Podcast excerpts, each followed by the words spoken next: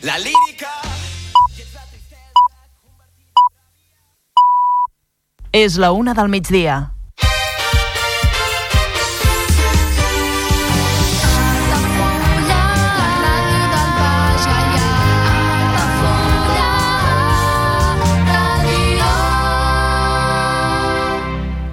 Altafulla Ràdio. Serveis informatius.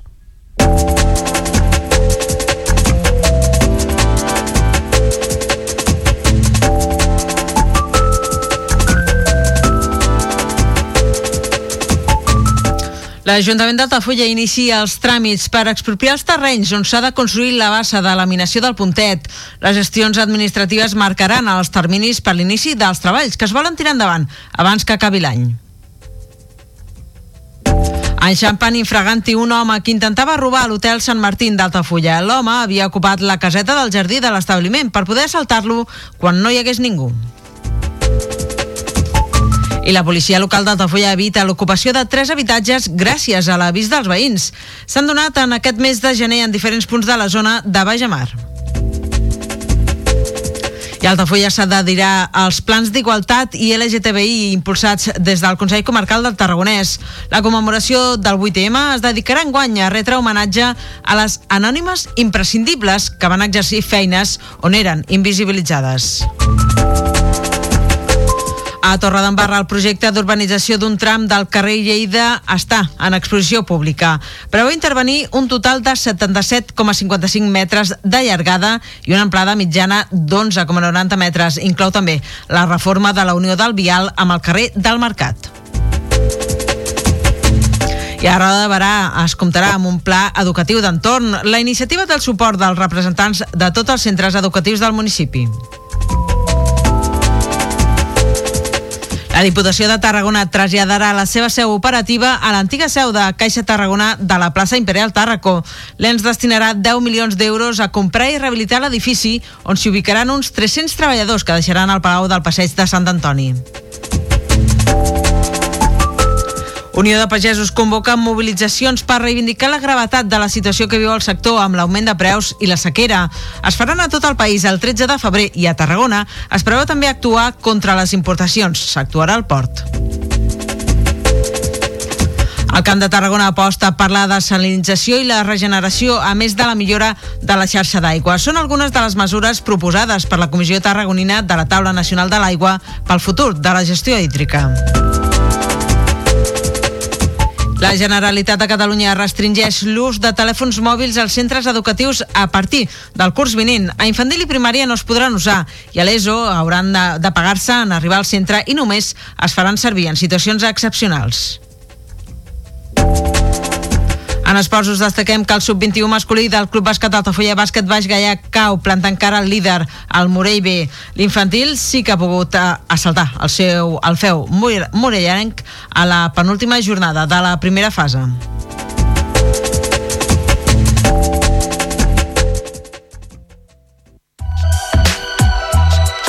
Altafulla Mar Hotel. Esdeveniments familiars, comunions, batejos i casaments i reunions d'empresa. Sales privades amb llum natural, terrassa i accés al jardí, des de 10 fins a 200 assistents. Altafulla Mar Hotel, el teu espai de confiança per a les teves celebracions familiars al barri marítim d'Altafulla. Demana pressupost sense compromís trucant al 977 65 11 55. Altafulla Mar Hotel. Altafulla Mar Hotel patrocina l'informatiu.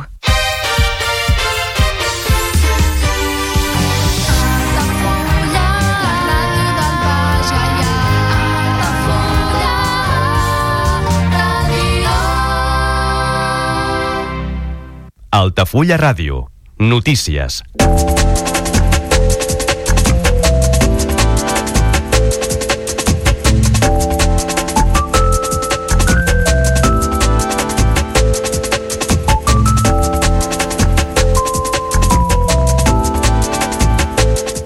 Aquesta setmana surt a exposició pública el Pla d'actuació per l'expropiació PAE dels terrenys on s'ha d'ubicar la futura base de laminació d'Altafulla.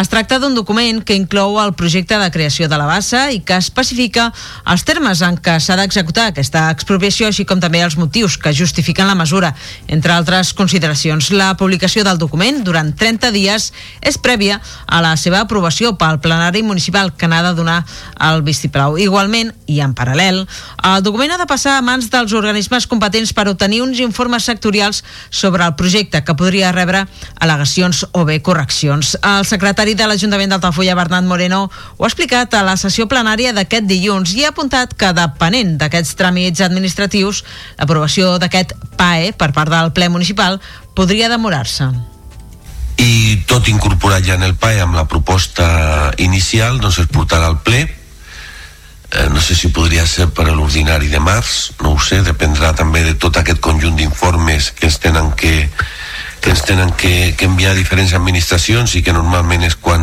és, són mesos dilata el procediment. Però bueno, tindrà que anar al ple en el ple es farà l'aprovació inicial i d'aquesta aprovació inicial passarà a urbanisme que farà l'aprovació definitiva la intenció, com sentíem que explicava Moreno, és que el PAE es pugui portar a debat al ple del març. És un document que tan sols fa referència a la bassa del Puntet, la que es va batejar com a bassa petita, després que el 2022 es decidís també fer una bassa gran al nord de la Rotonda, que seria la bassa de la Vinya Gran. Amb tot, aquesta de moment no podrà prosperar, ja que està dibuixada en part sobre uns terrenys que pertanyen a Torre d'Embarra i que el consistori d'Altafulla no pot fer-ne l'expropiació, com explica la alcaldessa i regidora de l'àrea de Territori, Alba Muntades. De la bassa gran, el projecte que, que està redactat i aprovat doncs, una petita part de les actuacions d'aquest projecte que hi ha en terme municipal de Torre d'Embarra i, i per tant com que no, no podem anar a expropiar el terme municipal de Torre d'Embarra doncs, i si ho hem de fer seria un projecte intermunicipal i seria més complex doncs per fer per abreujar els terminis i com a mínim tenir la bassa petita que és la que també uh, corre més pressa que és la, la que volem intentar tirar endavant a, a finals d'aquest any doncs eh, traiem d'aquest pae la bassa gran i ara queda un pae exclusivament per la, la bassa petit. L'expropiació de la bassa de laminació està valorada en uns 92.000 euros que caldrà incorporar al pressupost a través d'un expedient de modificació de crèdit que previsiblement es debatrà al pròxim ple extraordinari anunciat pel 23 de febrer. Aleshores, ja es comptarà amb els diners, l'exposició pública estarà gairebé completada i es podrien tenir enllestits els informes sectorials per poder portar a aprovació inicial l'expropiació de la bassa. Després es trametria a la Comissió d'Urbanisme de la Generalitat a Tarragona perquè hi doni el vistiplau. En paral·lel, també es demanaran subvencions i la inclusió als pressupostos de la Generalitat per poder executar l'obra. La voluntat del consistori és iniciar els treballs de la bassa pels vols de la tardor d'enguany.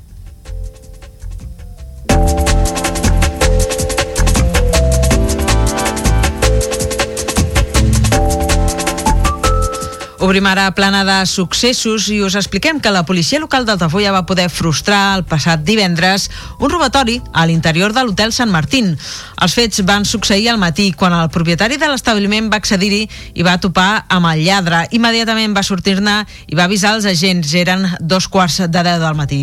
La proximitat de la comissaria policial amb l'hotel va facilitar que dos agents es desplacessin corrents fins al lloc dels fets mentre una altra patrulla ho feia amb vehicle els agents van poder enxampar l'home que s'havia amagat a la cuina del complex amb dos televisors i diversos electrodomèstics petits extrets de les habitacions. El caporal Cristóbal de la policia local d'Altafulla n'ha parlat en aquesta emissora. La rapidesa de l'actuació va fer possible que l'autor dels fets no tingués temps per fugir i finalment va ser localitzat amagat a una de les cuines. L'establiment presentava la finestra trencada, que és per on va accedir, i presentava diverses portes forçades de l'interior. Els agents van procedir a la detenció de la persona, que passarà a disposició judicial, es dona la circumstància que l'home havia accedit en dies previs a la caseta del jardí de l'hotel que havia ocupat mentre esperava el moment de saltar l'establiment. El detingut comptant diversos antecedents delictius, principalment robatoris.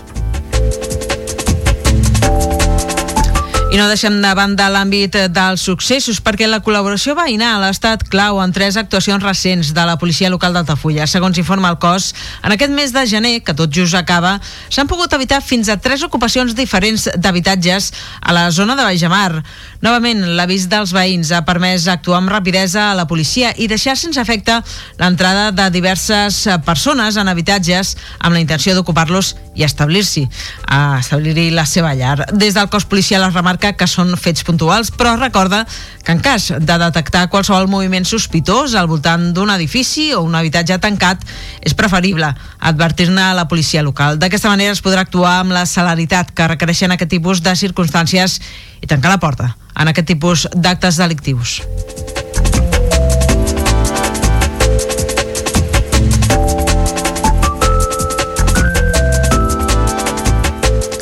Canviem ara radicalment de qüestió. Us expliquem que les diferents regidories d'Igualtat, Feminismes i Polítiques de Gènere dels municipis del Tarragonès establiran noves sinergies de treball per crear polítiques públiques en matèria d'igualtat que segueixin una mateixa línia en el conjunt del territori.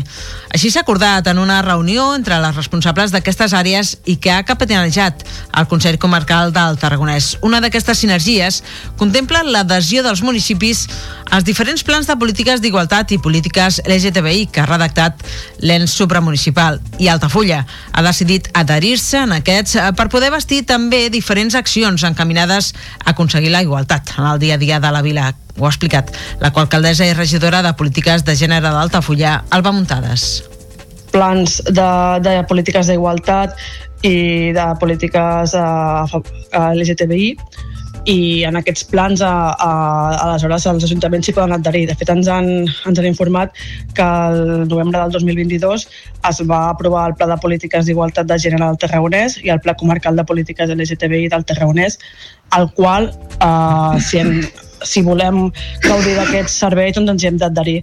I, per tant, diria que el, el, el govern d'alternativa d'aquest moment doncs, no, no s'hi va adherir i nosaltres doncs, en, els propers plens ens adherirem en, a, en aquests plens. Entre les estratègies de treball conjunt que s'han tractat en el marc de la trobada està la de tirar endavant accions concretes pel que fa a dies assenyalats que segueixin una mateixa temàtica. Per exemple, a la commemoració del Dia Internacional de les Dones, el 8M es farà aquesta acció conjunta. Enguany s'ha decidit que aquesta data serveixi per fer un homenatge a les anònimes imprescindibles, dones que van exercir feines on eren invisibilitzades i van obrir camí a altres dones en aquests àmbits. I ens han avançat que per aquest uh, eh, 8 de març el fil conductor proposat és les anònimes imprescindibles per tal de rendir homenatge a totes aquelles dones que, doncs, que han fet feines sovint invisibilitzades com feines del camp o feines més de, en, en cellers o que en fàbriques i que feien la doble jornada laboral a la feina i a casa, doncs fer una, un homenatge a totes aquestes dones en, a, en aquest 8M. La reunió amb les regidories ha servit també per posar-se al dia dels diferents serveis que poden oferir als ajuntaments a través del Consell Comarcal, com per exemple el Servei d'Informació i Atenció a les Dones, el CIAT, o el Servei d'Atenció Integral LGTBI, el SAI. D'aquests eh, sorgeixen iniciatives com ara els punts lila, que es posen en funcionament en festes o esdeveniments multitudinaris, o bé diferent material divulgatiu i formacions de sensibilització que cada ajuntament pot usar a la seva vila.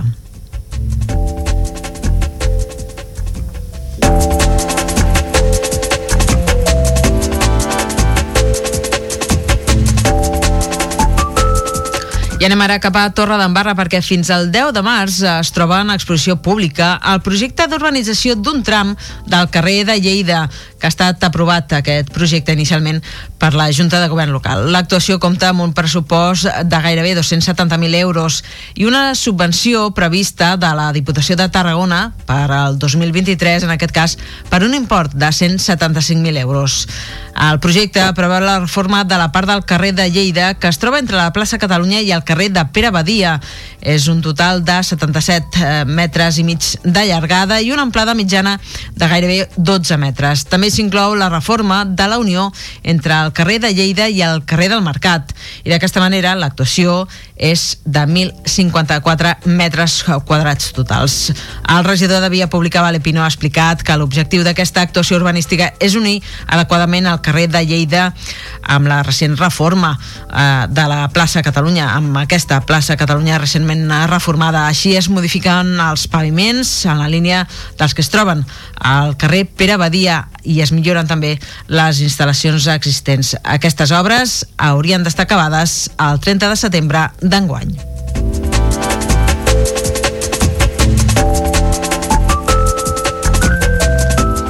I a Roda de Barà, el ple del consistori ha aprovat per unanimitat demanar al Departament d'Educació de la Generalitat de Catalunya la signatura del conveni per redactar i impulsar un pla educatiu d'entorn al municipi.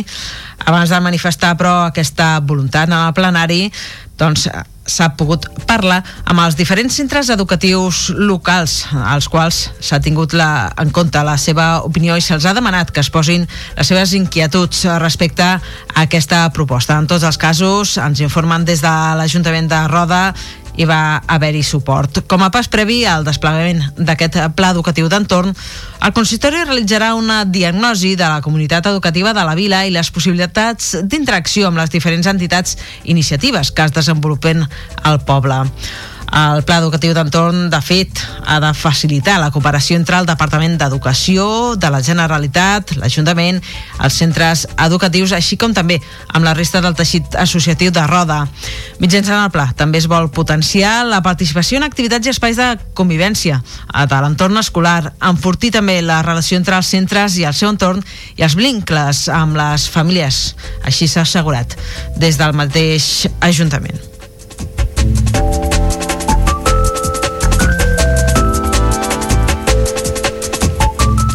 Fem ara una petita pausa per la publicitat. Tornem de seguida amb més actualitat de, de la resta del Camp de Tarragona i també uns apunts de l'actualitat esportiva. Fins ara.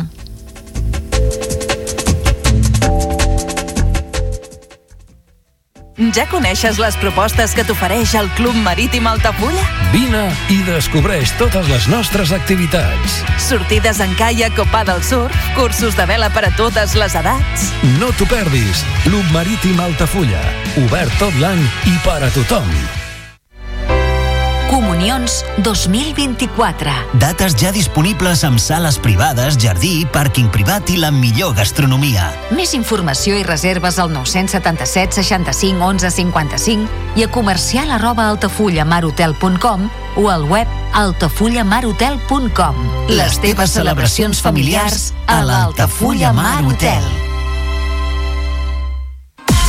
Carrer Major, el programa de les emissores del Camp de Tarragona. Cada dia de 4 a 6 de la tarda, el que passa al Camp de Tarragona t'ho expliquem amb la major redacció d'un programa de territori quilòmetre zero. Periodisme de proximitat, continguts de qualitat, amb Anna Plaza i Toni Mateos. Carrer Major.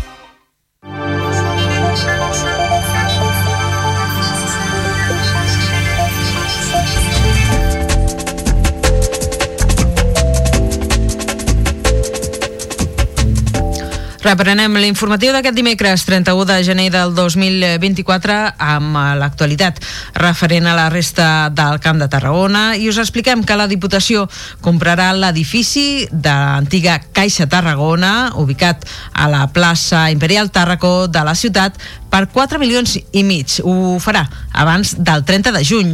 La presidenta de l'ENS, Noemí Llaurador, ha confirmat que la institució s'ha vist obligada a exercir el dret de tanteig i retracte reservat des del 2013, quan aleshores es va adquirir l'edifici adjacent, l'anomenat síntesi, després que un segon comprador han hagut de fer aquest eh, aquest exercici del dret a tanteig després que un segon comprador hagi manifestat la seva voluntat d'adquirir l'edifici. Llaurador ha defensat que amb aquesta operació s'unificaran les seus corporativa i operativa de la plaça a la plaça Imperial Tarragó per tal de guanyar eficiència i oferir millors serveis. Igualment ha assegurat que la situació econòmica de l'ENS és robusta i no caldrà demanar cap préstec per adquirir l'immoble. La Diputació eh, té una situació robusta, no? econòmicament i de tresoreria, i aquests 4 milions i mig d'euros els aportem a pulmó, podríem dir. Eh? Per tant, eh, no necessitem demanar crèdit, jo diria que és l'operació immobiliària del mandat. La previsió és que prop de 300 treballadors es traslladin al nou edifici abans del 2027, una vegada hagin acabat les obres de rehabilitació que s'enfilarien fins als 5 milions i mig d'euros. Amb el trasllat de la major part dels treballadors de l'ENS al Palau de la Diputació, ubicat al passeig de Sant Antoni, de la capital tarragonina allibera espais que es destinaran a tasques de caràcter institucional i albergarà tan sols els diputats i els assessors polítics dels diferents grups.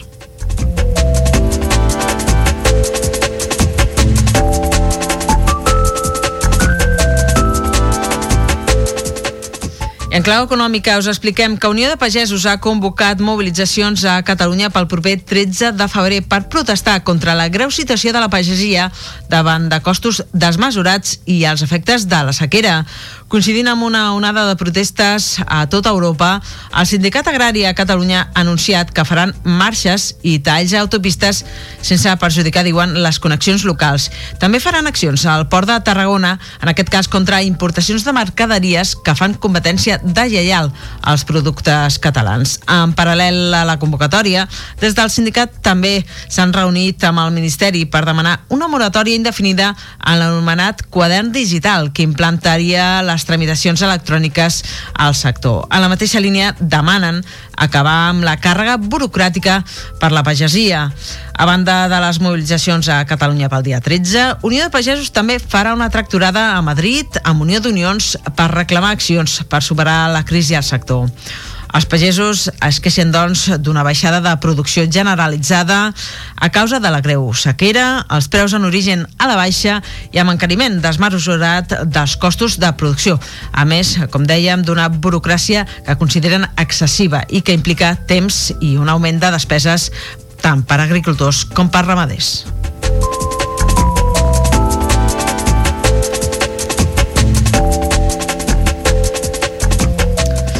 I de sequera i de gestió de l'aigua també n'han parlat el delegat del govern a Tarragona, Àngel Xifré, i la directora dels Serveis Territorials d'Acció Climàtica, Alimentació i Agenda Rural, Glòria, Glòria Tibau, en una segona reunió de la Comissió Territorial de la Vegueria del Camp de Tarragona de la Taula Nacional de l'Aigua. En dos han encapçalat aquesta reunió que ha tingut un caràcter pràctic, participatiu, per tal d'arribar a consensos territorials entorn a la gestió de l'aigua. Algunes de les més de 70 propostes que s'han tractat són l'aposta per l'aigua desalinitzada i regenerada, la millora i la modernització de les xarxes de distribució d'aigua o l'aprofitament d'aigües grises i pluvials. A la primavera es tornarà a convocar aquesta comissió amb l'objectiu de tancar propostes d'accions que posteriorment celebraran a la taula nacional de l'aigua. Aquesta comissió ha plegat una trentena d'usuaris i actors dels sectors d'activitats implicats en garantir una gestió eficient dels recursos hídrics al territori.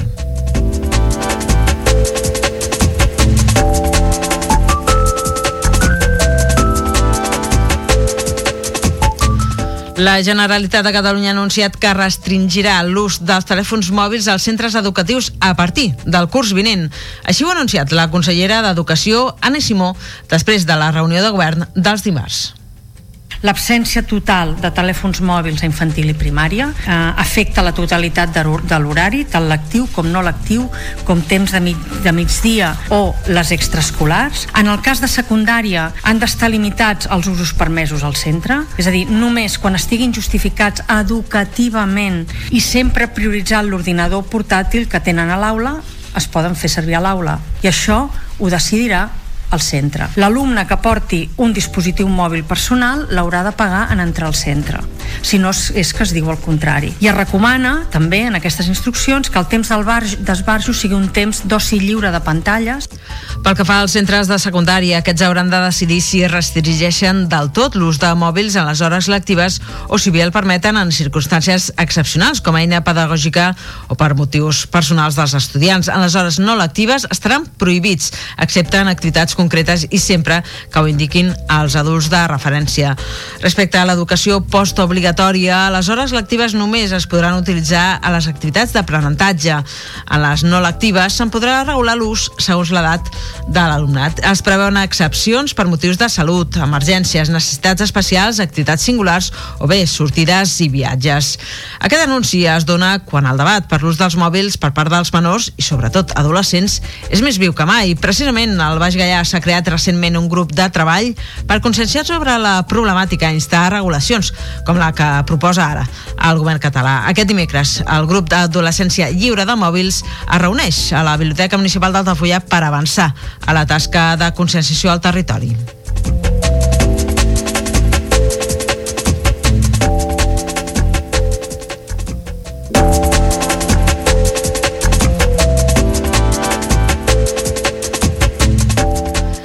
I obrem ara plana esportiva, us parlem eh, de bàsquet i del sub-21 masculí del Club Bàsquet Altafulla Bàsquet Baix Gaià, que ha debutat aquest 2024 amb una derrota ajustada a la pista del líder, al Morell B, amb un resultat de 61 a 55. Els altafollencs han jugat un dels millors partits de la temporada i han estat a punt de batre un rival que ho ha guanyat tot. Els de Dani Ponce han anat clarament de menys a més durant els 40 minuts de joc. I és que després d'haver cedit el primer i el segon quart per 14 a 8 i 16 a 10, el pas dels basti el pas eh, pels bastidors els ha servit per reaccionar i comprometre el triomf dels morellencs amb un 15-18 i un 16-19 en el tercer i el darrer període. Ferran Sauret, Nacho Castellví i Biel Puig han estat els referents ofensius amb 14, 12 i 10 punts. Precisament Sauret ha explicat en aquesta casa que surten molt reforçats al partit malgrat la derrota i que els permet arribar amb bones sensacions al pròxim compromís. L'Altafulla és vuitè classificat amb 14 punts, si bé alguns partits té alguns partits eh, pendents. Dissabte, a dos quarts de cinc de la tarda, buscarà retrobar-se amb la victòria a casa, en aquest cas contra el Cantaires de Tortosa, un equip situat a la zona mitja.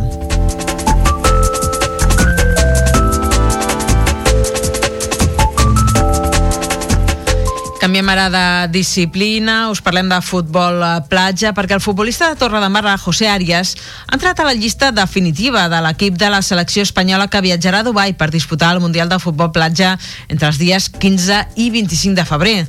La seva era una presència esperada pel fet de ser un fix en els plans del seleccionador Cristian Méndez, d'ençà que va agafar les regnes de l'absoluta.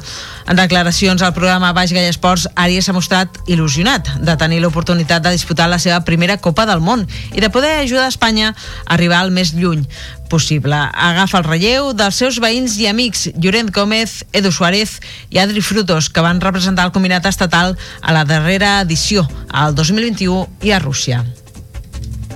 La verdad que, que muy contento, ¿no? porque bueno, ya aunque sea joven, ¿no? por así decirlo, eh, ya llevo bastante tiempo en, el fútbol playa, entrenando y teniendo, ha, pasado ya algún mundial de por medio cuando yo ya estaba entrando en la selección y todo y, y la verdad que, bueno, pues ahora es el momento, estamos, hemos estado entrando para, para esto y, y bueno, pues ahora se ha dado la suerte de poder estar en esa lista de 12 jugadores para pa per a disputar este Mundial. Espanya ha quedat enquadrada al grup B juntament amb l'Argentina, Iran i Tahití. Debutarà davant el conjunt asiàtic dijous 15 de febrer, dissabte 17 jugarà contra el representant d'Oceania i dilluns dia 19 tancarà la fase de grups davant l'Argentina. L'objectiu serà quedar primer o segon per estar als quarts de final i seguir el camí cap a les medalles.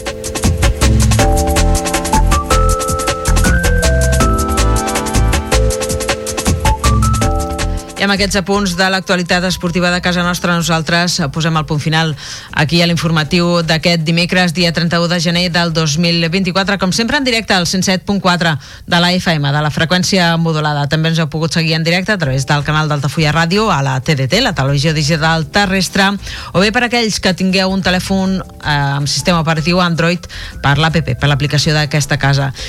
Igualment ens podeu seguir en directe o bé recuperar el podcast d'aquest informatiu, la gravació d'aquest informatiu, al nostre web a www.altafullaradio.cat.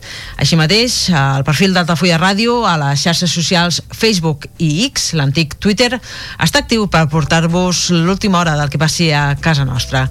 Res més des d'aquí, des dels estudis d'Altafulla Ràdio, al carrer Marquès de Tamarit de la Vila, tot l'equip que fem possible aquest programa us saluda ben cordialment, en especial una servidora que us està parlant en aquests moments, la Carol Quota, que us envia una forta abraçada. Ens retrobem a les pròximes edicions de l'informatiu d'aquesta casa. Que vagi molt bé el dia. A reveure.